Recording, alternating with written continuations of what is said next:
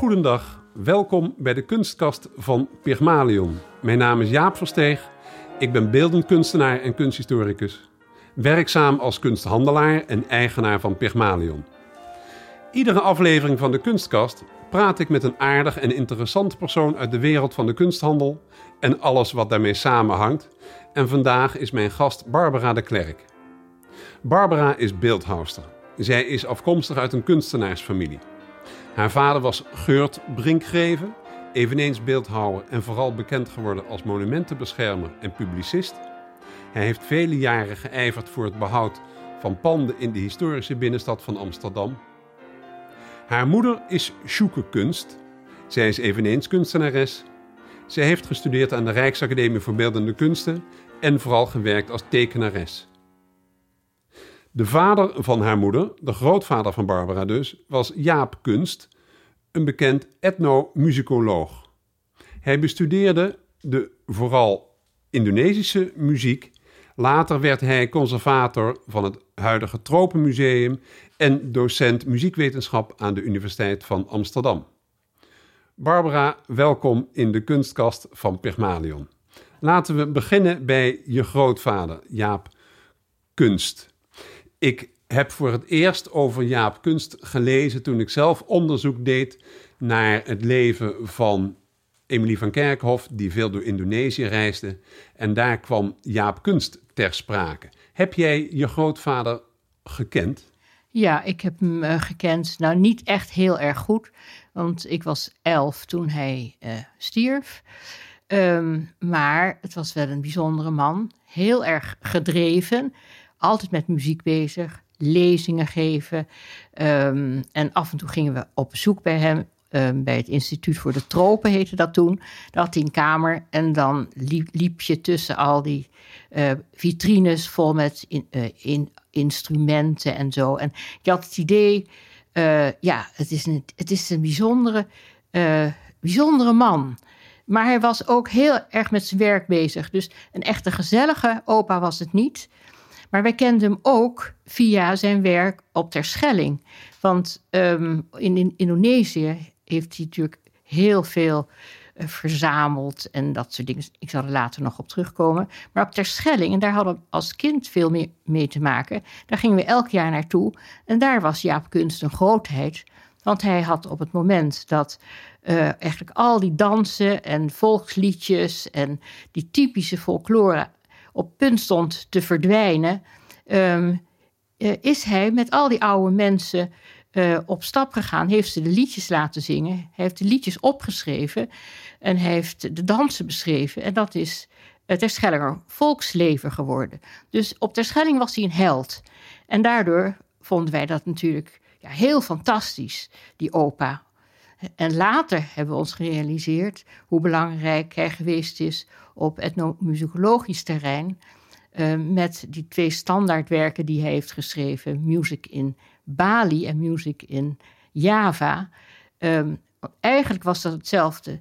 Op het moment dat die inheemse um, muziek uh, ook aan het verdwijnen was, de gamelan stonden te verrotten in schuurtjes, um, realiseerde hij zich hoe belangrijk dat was om daar onderzoek naar te doen.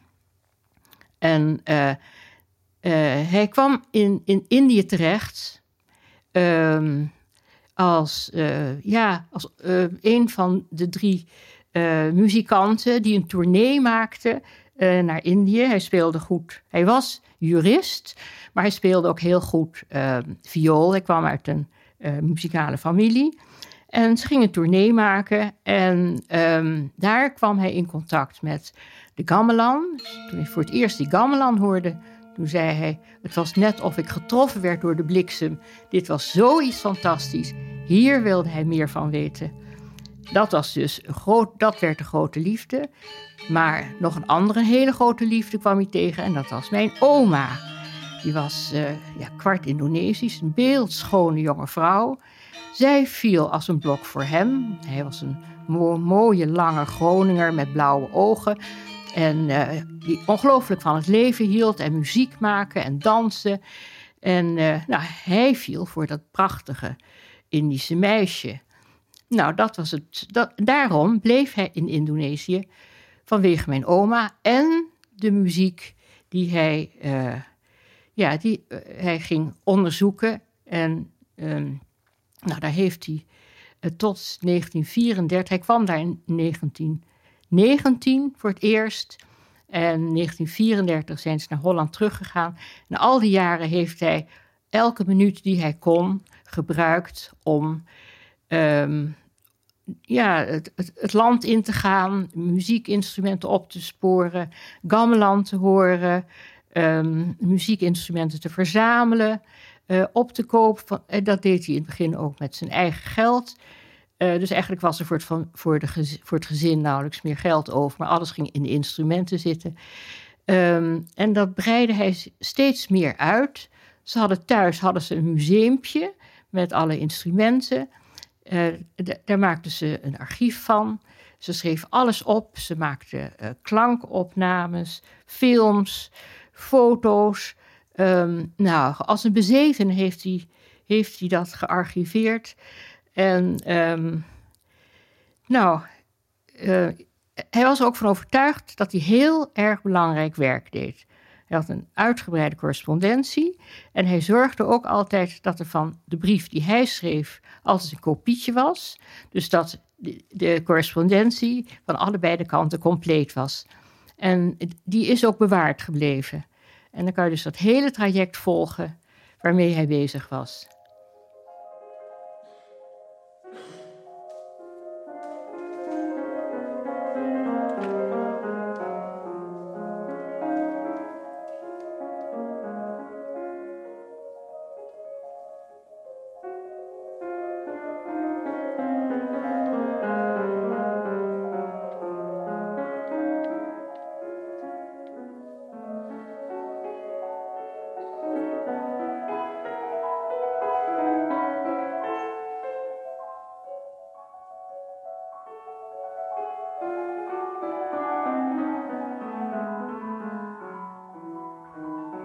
En als we nu doorgaan naar je moeder, naar Sjoeke.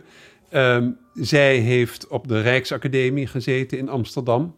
Was dat een keuze die voor de hand lag? Was jouw grootvader daar blij mee? Of zag hij daar tegenop misschien? Nee, dat vond hij prima. Want uh, hij, hij, vond het heel goed dat ze de eigen weg uh, ging. Want hij was zo bezig met zijn eigen, werk dat hij dat prima vond. En uh, het, ja, mijn moeder was heel creatief op hele jonge leeftijd. Was ze ook aan het uh, tekenen, het schilderen. En hij zag in haar een wonderkind. dus dat was prima allemaal. Ja. Um, ik heb haar ontmoet ook wel. En um, daar stonden, daar staan op haar kamer. Ze woont nu in Amsterdam. Daar vlak bij het Vondelpark. Hè, daar woont ze in een huis.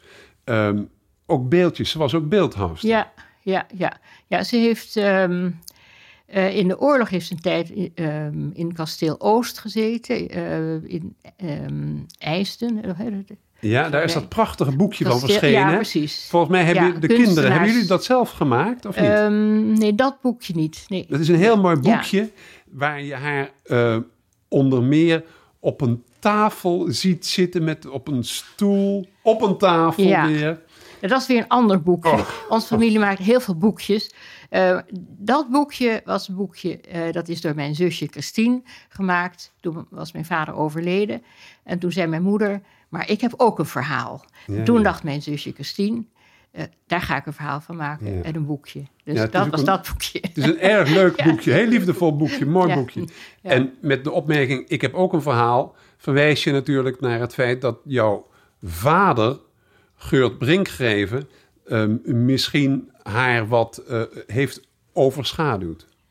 Um, ja, maar dat, dat was in die tijd wel vaker zo. Toch um, uh, grote gezinnen, weinig geld. de man die werkte, wacht geld binnen. En die vrouw kon wat schilderen of beeldhouden als er tijd over was. Maar die tijd was nooit over, want ze, ja, goed, mijn moeder had in anderhalf jaar ja, even kijken hoor. Uh, om het anderhalf jaar kwam er een kind, dus vier kinderen. Uh, dus die had wel wat anders te doen. Ik weet wel dat mijn moeder altijd heel verontwaardigd over Charlie Torop sprak van, ja, die, die, die trok de kunst altijd voor. Die vond de kunst altijd belangrijker dan haar gezin. Ja. En dat, dat deed ze echt niet. Nee, nee, nee, dus zij is op latere leeftijd, toen, ze, toen er meer tijd kwam, heeft een atelier gekregen op de, op de Wallen in de Bloedstraat daar. Ehm, en eh, daar heeft ze heel veel steen gehakt en uh, hardsteen, kalksteen, echt Oh. Ja, ja, ja, het ja, pittige werk. Ja. Eh, dus toen had ze echt idee, nu moet het gebeuren. Ja. Maar ehm, Geurt, jouw vader, was beeldhouwer ook. ehm, maar niet opgeleid aan de Amsterdamse Rijksacademie, Nee, meen ik. Den Haag. Hij zat in Den Haag. En, Bij Inge Hoes, Ja, geloof ik. Inge Hoes had Ja. hij het over. Ja. Ja.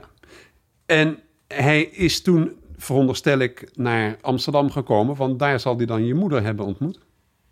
Ehm, waar hebben ze elkaar ontmoet? Ik denk, ja, Amsterdam, Ja. denk ik.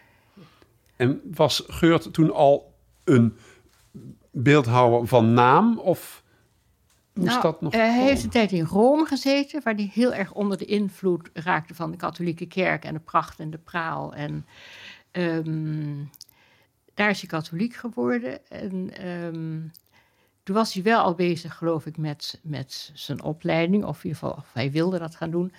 Hij heeft een tijd nog in eh, eh, Van Telsch, dat was een penningmaker. Ken ik? Eh, in Budapest heeft hij gezeten. Daar heeft hij dus het penningen leren maken. En we raakten ook gefascineerd inderdaad door de, die traditionele ronde vorm. En je, je kan ook heel goed zien aan zijn penningen dat dat een in, van invloed is geweest. Ehm, ja, Dus hij heeft veel penningen gemaakt. ja. Maar ook veel eh, beelden in de openbare ruimte. Ja, ook wel, maar eh, vooral na de oorlog, eh, oorlogsmonumenten, van dat soort dingen. Ehm, maar hij verdiende voornamelijk zijn brood toch met een mix van dingen. Eh, penningen maken, beelden maken, ehm, ook voor particulieren, tuinbeelden en zo, waar wij voor moesten poseren ook vaak. Eh, maar hij schreef ook eh, recensies, artikelen, hij gaf lezingen. Dus op, die, op die manier sprokkelde, sprokkelde hij Ja. het, het gezinsinkomen bij elkaar. Hij was natuurlijk in de monumentenzorg is hij nog steeds een hele grote naam. Vooral in Amsterdam. Ja. Ehm, je zei, jullie woonden aan de Prinsengracht. Eerst Leijmansgracht. Oh.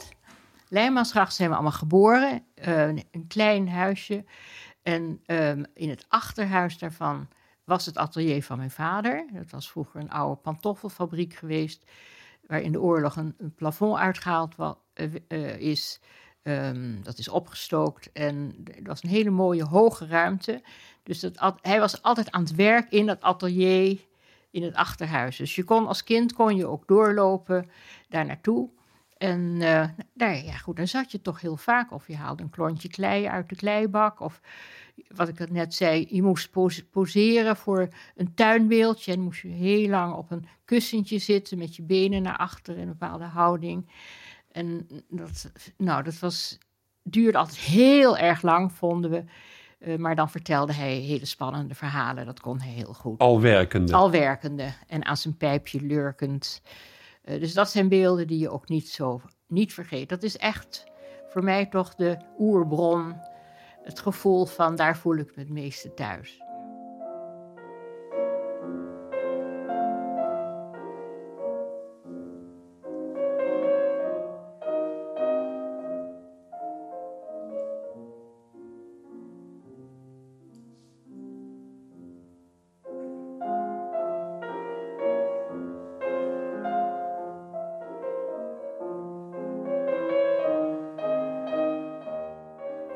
Jullie zijn later verhuisd naar de Prinsengracht. Ja, ja. En dat was ook een monument? Was hij daar toevallig via het monumentenwerk Nee, ook? nee, nee, nee, gewoon via via. En ehm, in die tijd kon je nog voor niet veel geld. Of goed, wij hadden geen geld. Maar eh, kon, kon er door kennissen van mijn ouders een huis gekocht worden. Waar wij dan weer de onderverdieping van konden huren. Ja, ja. En daar was iets meer ruimte voor een, eh, een opgroeiend gezin. Zaten jullie in Amsterdam ook in een kunstenaarswereld. Kenden jullie ook andere beeldhouwers, andere kunstenaars? Ehm, En de ja, kinderen dan misschien? Ja, natuurlijk. Artie het Amicitië. Dat Ja. was natuurlijk een, eh, eh, iets wat heel vaak langskwam. Mijn vader zat in het bestuur. En ehm eh, Artie, dat was ook zo'n project. dat werd op een gegeven moment bedreigd. Het was een hele slechte staat. En ehm, daar is, heeft mijn vader een, ook een, met anderen eh, ervoor gezorgd dat Artie eh, kon blijven bestaan. Ge- gebouw gerestaureerd, de sociëteit eh, weer in volle glorie hersteld kon worden. Ehm, dus dat zijn dingen die we vroeger natuurlijk altijd hoorden van ehm, eh, het redden van oude, eh, bijzondere gebouwen in de binnenstad. En het onbenul van, het, van de gemeenteraad en de bouwers en de, het, ja, goed, het slopen van de oude binnenstad, de doorbraken, het dempen van grachten. Nou goed, die, dat was altijd, toen we op de Prinsengracht woonden althans, dat was heel vaak onderwerp tot ook, eh, ook ja, een soort verbetenheid. Ja, Het is altijd strijd. Eh, maar een beetje zoals opa Jaap voor de met Ja. de muziek bezig was. Het redden van de pure vorm van de, eh, de, i- ja, de inheemse muziek, echt. Hè? Eh, voordat het verloren ging. Dat heeft mijn vader ook gewoon. Het, het, het redden van iets wat van waarde is en wat niet verloren mag gaan. ja. Dus dat, dat hebben we als kind enorm altijd gehoord. Ja. En dat zijpelt ook wel naar binnen. Ja, ja, ja. Terwijl je dit vertelt, moet ik opeens denken aan het feit dat in Amsterdam dat prachtige eh, natuurlijk schuilkerkje, later ook Museum Onze Lieve Heer op Zolder, ook bijna eh, bedreigd is in het voortbestaan. Ik geloof dat het nu gered is. Ik meen dat jullie daar ook naar de kerk gingen. Ja, hè? ja, ja. Wij, wij waren eh, een katholieke kunstenaarsfamilie. Wij kenden eigenlijk alleen maar katholieke mensen toen. En de katholieke kunstenaars die kwamen daar om de twee maanden bij elkaar.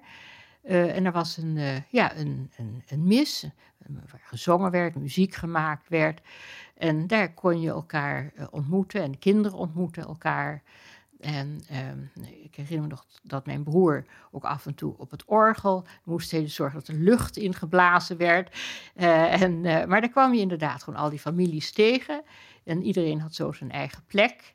En dus wij, wij zaten meestal op de galerij. En dan tegenover ons zag je dan de familie Thewissen erin schuiven. Dat was Ook, Arie Theeuwissen, de beeldhouwer. beeldhouwers, ook allemaal vrienden van mijn ouders. En de kinderen. En wij zaten met vier kinderen, zij met drie kinderen.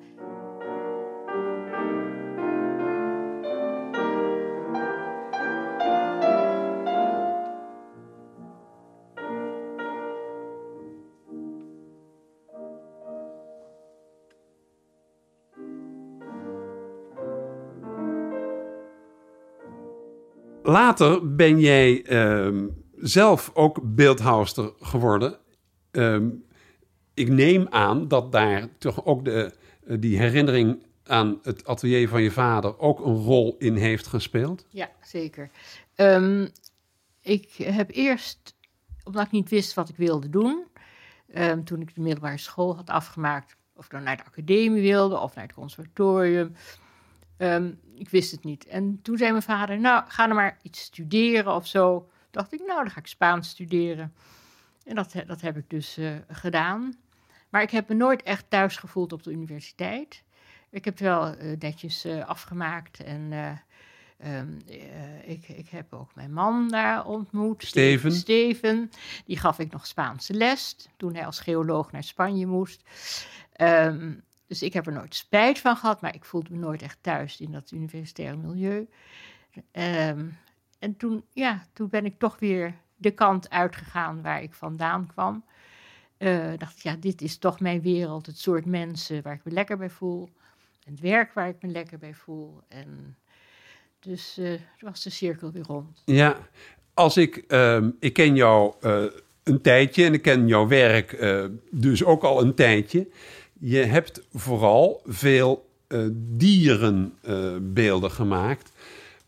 Ehm, zijn er bepaalde ehm, kunstenaars of invloeden aan te wijzen die jou daarin ook gesteund hebben? Ja, ja die zeker. keuze? Ehm, nou, eh Arie Theeuwissen, een goede vriend van eh, en Ans van mijn ouders. ja, die maakte beeldjes die ik ook zo prachtig vond. Ook met humor en ook vaak dieren. En, en thuis hadden we ook van die beeldjes, hè, want ze gaven elkaar ook beeldjes cadeau. Ehm, dus dat was voor mij ook een voorbeeld. En ehm, eh, ja, ook, ja, ook de, die hele gestileerde Egyptische beelden vond ik altijd prachtig. Maar ook op een gegeven moment, dat was volgens mij ook een tip van Arie, die zei: Je moet eens naar Solieu gaan. Daar komt eh, de Franse animalier eh, vandaan, Pompon. En die maakt hele mooie, eh, ook gestileerde dieren. Nou, dat vond ik ook, sprak me ook heel erg aan. Ehm, en ook de dieren van eh, Theresia van der Pand vond ik heel erg mooi. Ehm, nou ja, zo zag, had ik om me heen toch voorbeelden. Ja, En ik was dus, eh, ik heb dus geen academie gedaan, want ik had Spaans gestudeerd. Maar ik kon wel altijd eh, om raad vragen. Dus ook bij mijn vader, maar ook ben ik in de Theresia van een pand gaan. Van hoe zal ik dit aanpakken? Ik heb geen goede basis. En eh, ik wil eigenlijk ook leren steenhakken. En toen, en toen zei ze, ga maar gewoon zo door zoals je nu doorgaat. En als je iets wil weten, vraag je het maar. De academie leer je eigenlijk niks. Zo. Ehm, en ehm, ik, eh, ja, ik, ik heb het een beetje bij elkaar gesprokkeld, de kennis. Ik ben ook een tijdje eh, gaan kijken bij het ehm, restauratieatelier Uilenburg. Daar maakten ze mallen, hè, dus van Hans het Mannetje. Dat was ook een fantastische plek. En ik ben een jaartje naar de Vrije Academie in Den Haag gegaan. Eh, eh, ook gewoon om praktische dingen te leren als eh, armaturen maken, mallen maken. dat. Maar verder moet je toch zelf uitdokteren. ja. Maar ondertussen ben je toch een bekende, een grote beeldhouwer geworden in Nederland. Je exposeert eh, regelmatig. Volgens mij exposeer je een van jouw vaste, eh, een vaste galerie van jou is van Leo van Heiningen in Den Haag. Ja, daar zit ik al heel lang bij. En daar voel ik me ook thuis. En dat is gewoon een heel prettige, hele prettige plek. En ik las in de krant ook een advertentie van de bronschieter Stijlaard, waar ook volgens mij werk van jou geëxposeerd wordt. Ja, dat, dat klopt. Dat zijn nieuwe activiteiten van de gieter, waar ik al eh, heel lang ben. Ik was al bij zijn vader, bij Jan. En toen was Hans, die nu de gieter is, een jongetje van elf, geloof ik. Die moest nog één dag naar school. En verder werkte hij toen al in de gieterij. Nou, eh, dus eh, daar word je ook een soort familie van elkaar. En om de cirkel rond te maken, je zei net dat je nu ook weer exposeert in Terschelling. Nee, Tessel. Oh, dat is Texel. Nee, Te- nee, in Texel is ook een hele leuke galerie. Het, het Posthuis, de, de Koog. Eh, daar heb ik ook werk staan. En, eh, Ik heb een laatste vraag voor je. Eh, zoals je weet was Pygmalion een beeldhouwer uit de Griekse mythologie... die zijn schoonheidsideaal realiseerde in een beeld... en daar vervolgens verliefd op werd. Als wij dit gegeven vertalen in een vraag... wat zou jouw schoonheidsideaal in de kunst zijn? Ik vind het moeilijk. Ik ben eigenlijk op zoek altijd naar een soort harmonie. Eh, schoonheid vind ik heel belangrijk. Ehm, het moet ook iets zijn ehm, waarmee je kan communiceren met de ander. Dus eh, je probeert in je beeld iets te zoeken, iets te stoppen, wat jij ervaart en wat je probeert over te geven aan de ander. Daar streef ik altijd naar. Ehm, maar toch ook een soort schoonheid, een soort harmonie. Ehm, en ook een soort vertedering. Ik, weet niet, het ik weet niet of ik je daar goed mee ehm, geantwoord heb. Zeker, Oh. zeker. En ik dank je ook voor dit antwoord en voor dit gesprek. Ik heb ervan genoten. Dank je wel. Oh, wederzijds, ik ook.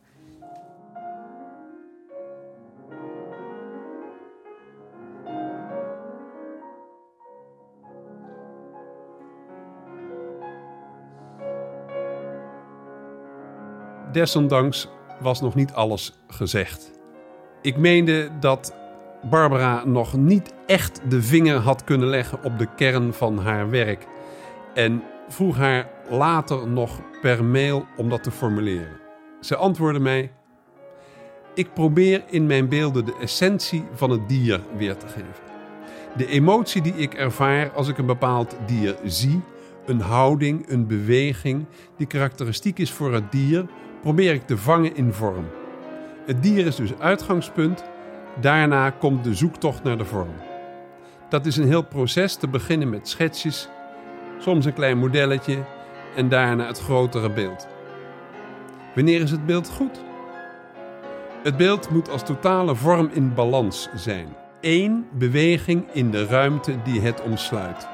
Maar het moet tegelijkertijd mooi en spannend van vorm zijn. Ik streef naar een stilering die zoveel mogelijk overbodigs weglaat en de pure vorm overlaat.